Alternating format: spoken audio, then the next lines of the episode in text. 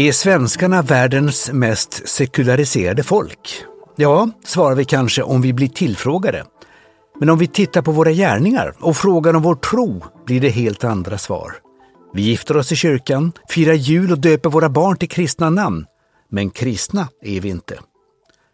Boken Det gudlösa folket, de postkristna svenskarna och religionen är skriven av religionshistorikern David Turfjell som är professor i religionsvetenskap vid Södertörns högskola. Välkommen David Turfjell. Tack. Svenskar som världens mest sekulariserade folk, hur tänker du? Ja, den här boken som jag har skrivit, den eh, problematiserar ju den föreställningen lite, att svenskarna skulle vara världens mest sekulariserade folk. Och frågan om hur sekulariserade eller inte sekulariserade svenskarna är, är ju ganska öppet för debatt. Och det här beror på hur man, alltså vad svaret blir beror på hur man mäter den här frågan.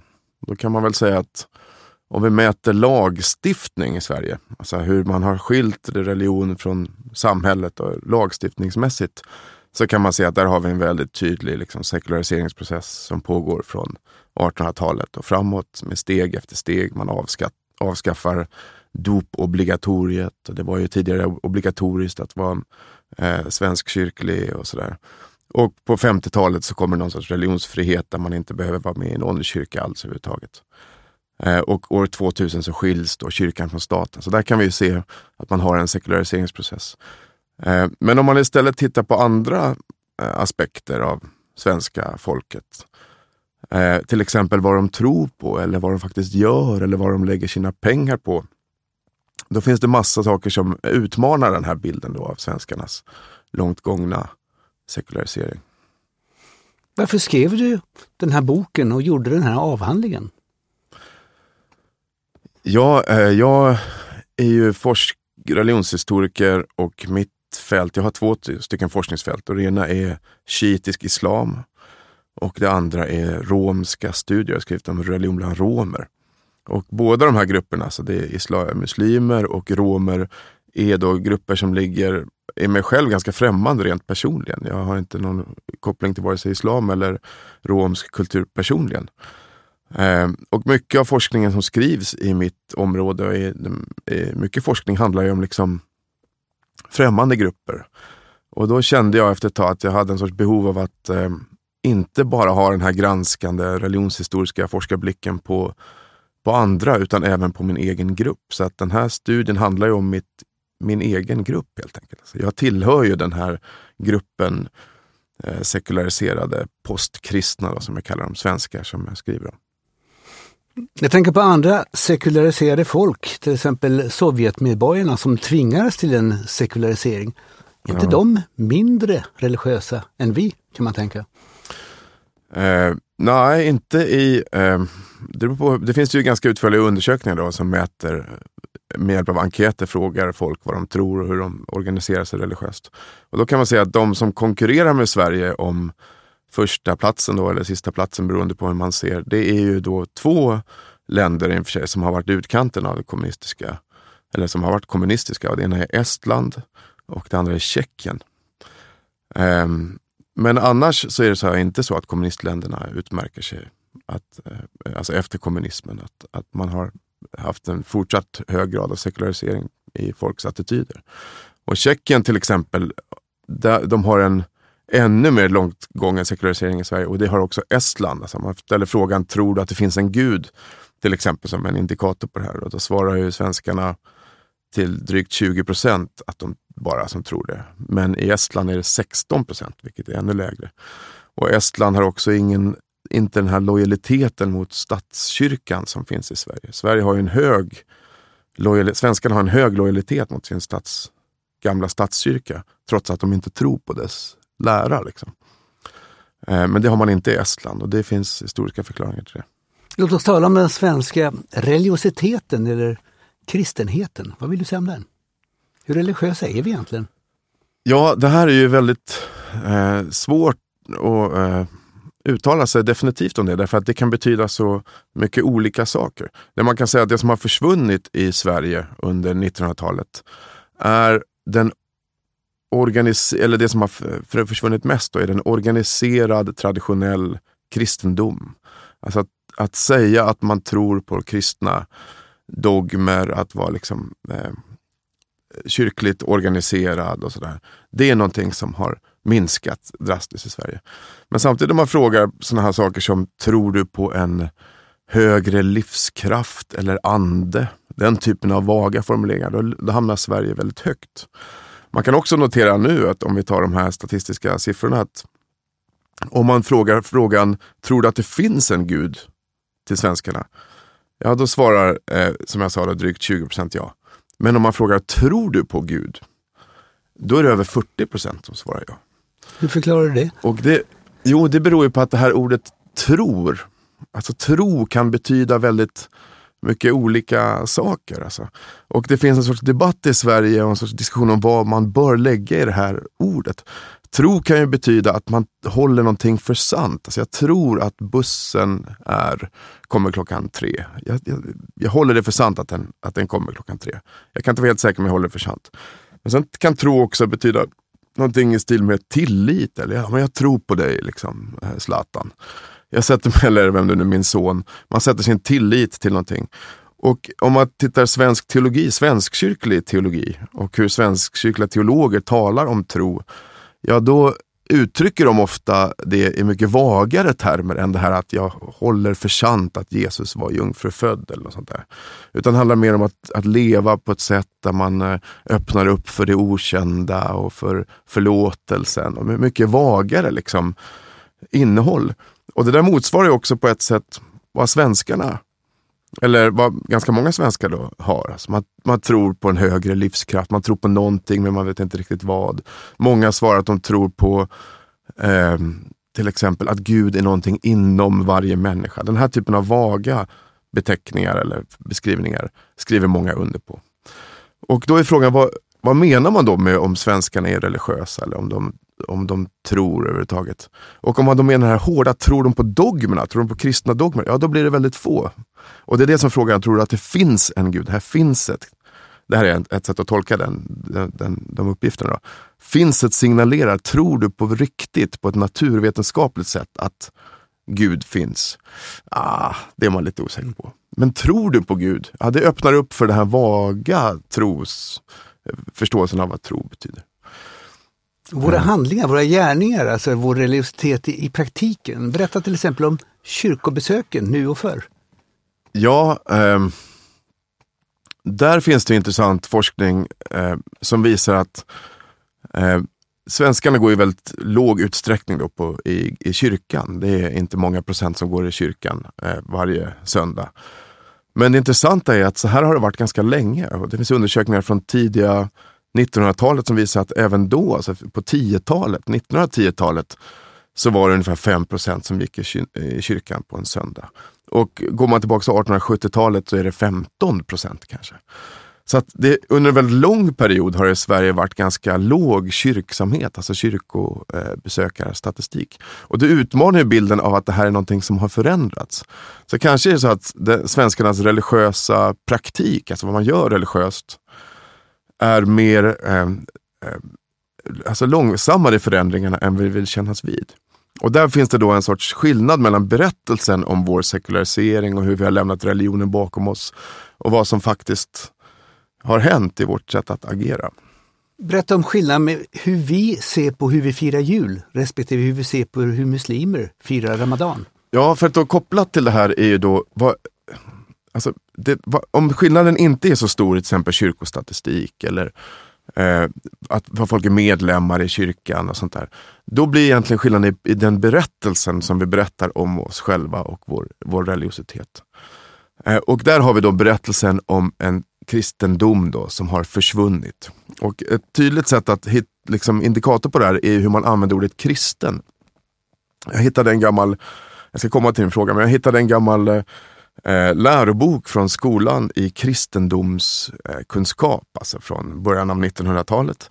Och som, är då, som barnen ska läsa eh, för att eh, lära sig om kristendom. Och där sammanfattas kristendomen, det här är väldigt intressant, där sammanfattas kristendom, vad är kristendom? I tolv stycken ord. Som blir tolv kapitel i den här boken. Och de tolv orden är naturen omkring oss, trygghet, aftonbön, hjälpsamhet, att dela med sig, att vara aktsam om det som lever, kamratskap, vördnad för gamla, tacksamhet, att tänka på andra, söndag och gudstjänst.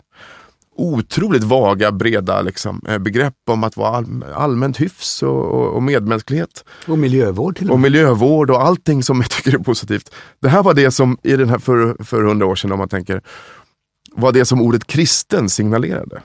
Och sen så vad som har hänt under 1900-talet är att det här ordet kristen och kristendom har liksom snävats in så att i vår allmänna debatt och det sätt vi talar om eh, oss själva och om andra så är kristen då det som gäller de som tror och praktiserar starkt. Eller man kan säga. Så av de här tolv orden kanske det är då aftonbön och gudstjänst som kvalificerar sig som kristendom nu. Och eh, det där gör ju då att när vi tänker de här sekulariserade mainstreamkulturen som det handlar om. Då, när, när den, eller vi då kan jag säga, för jag är ju en del av det. När vi tänker och talar om oss själva, då känner vi så här, okej okay, vi firar jul och vi betalar pengar till Svenska kyrkan och vi döper våra barn, till, kanske till och med i kyrkan, till namn som Lukas och Anna och Maria och Peter och sådana här ehm, eh, kristna namn. Och vi, vi, vi är lojala mot kristna institutioner. Vi, vi har liksom massa kulturella kristna drag, men vi skulle aldrig kalla oss för kristna. Därför att det känner vi signalerar någonting annat. Det är det här gudstjänst och aftonbön och det håller vi inte på med så mycket.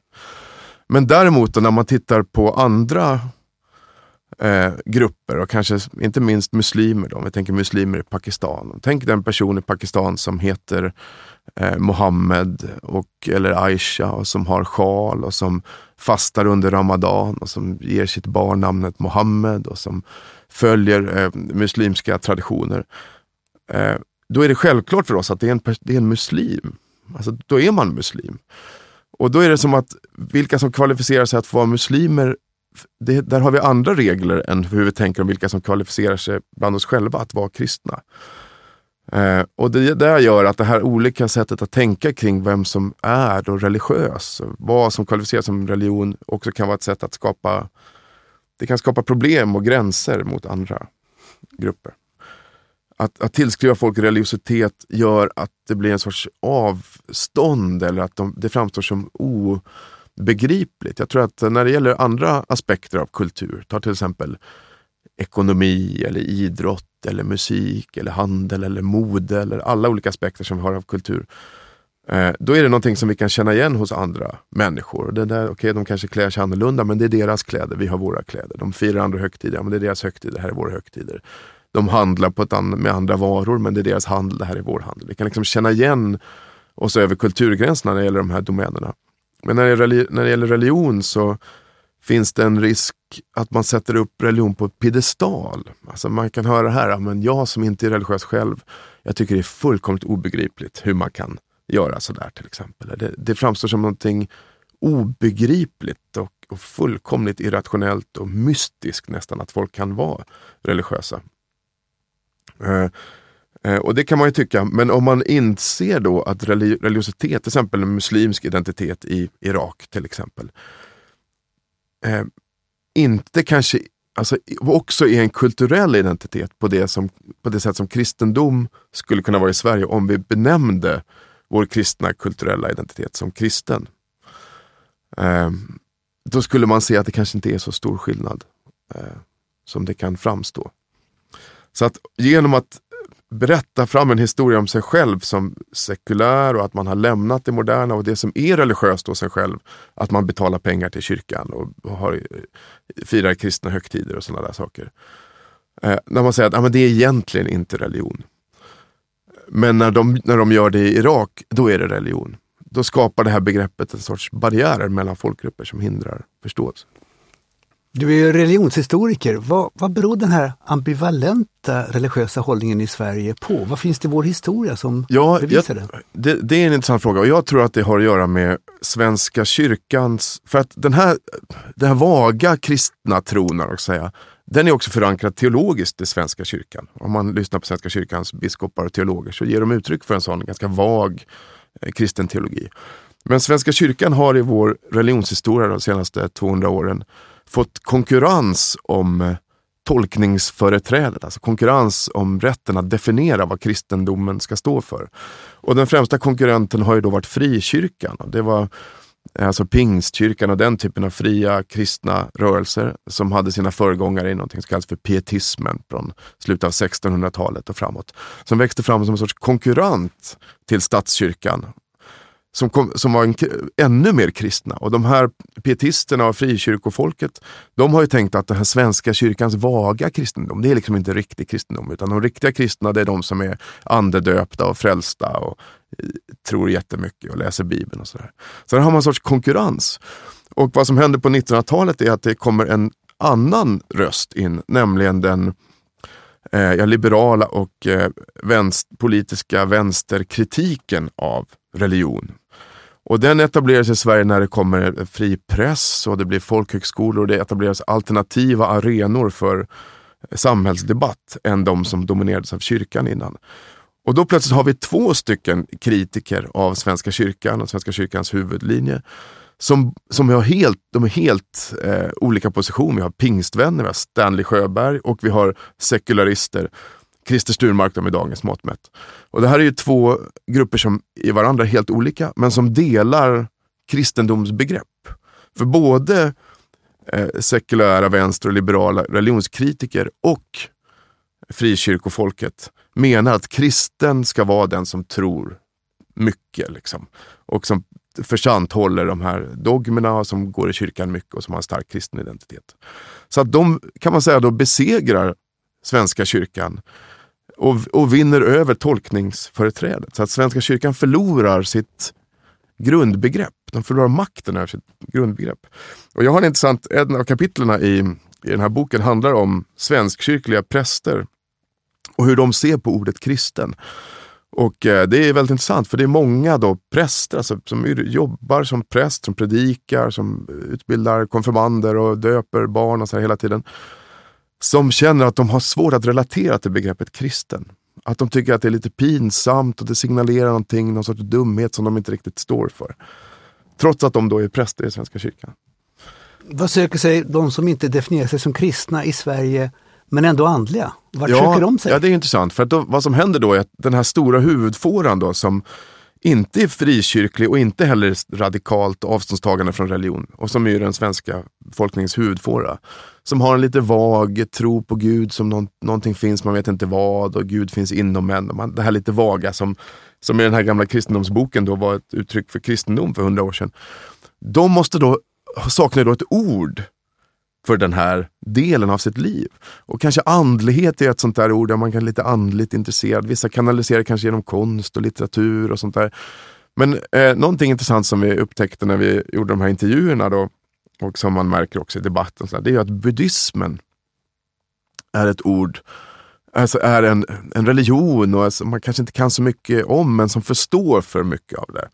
Jag hade en intervju till exempel där en av, av intervjupersonen svarade så här, som intervjuade för den här boken så här, ja, jag är lite, nej men jag tror inte på kristendomen och sådär, jag är lite mer buddhistiskt lagd. Men det är väl egentligen inte en religion utan snarare en filosofi. Och så frågar jag, men vad menar du med buddhistiskt lagd? Jo, men det här att man går ut i naturen och känner någonting större, till exempel. Så då är den här vaga, andliga, lite allmänreligiösa hållningen är någonting som man då hellre klär i ordet buddhist än i kristendom, som man gjorde kanske för hundra år sedan. Vilket i sin tur gör att man då eh, projicerar massa, alltså man lägger på, lägger på den riktiga buddhismen som finns i Östasien och Sydasien eh, massa idéer om hur den är som egentligen är hämtade från ens egen Vad position. kallar du det?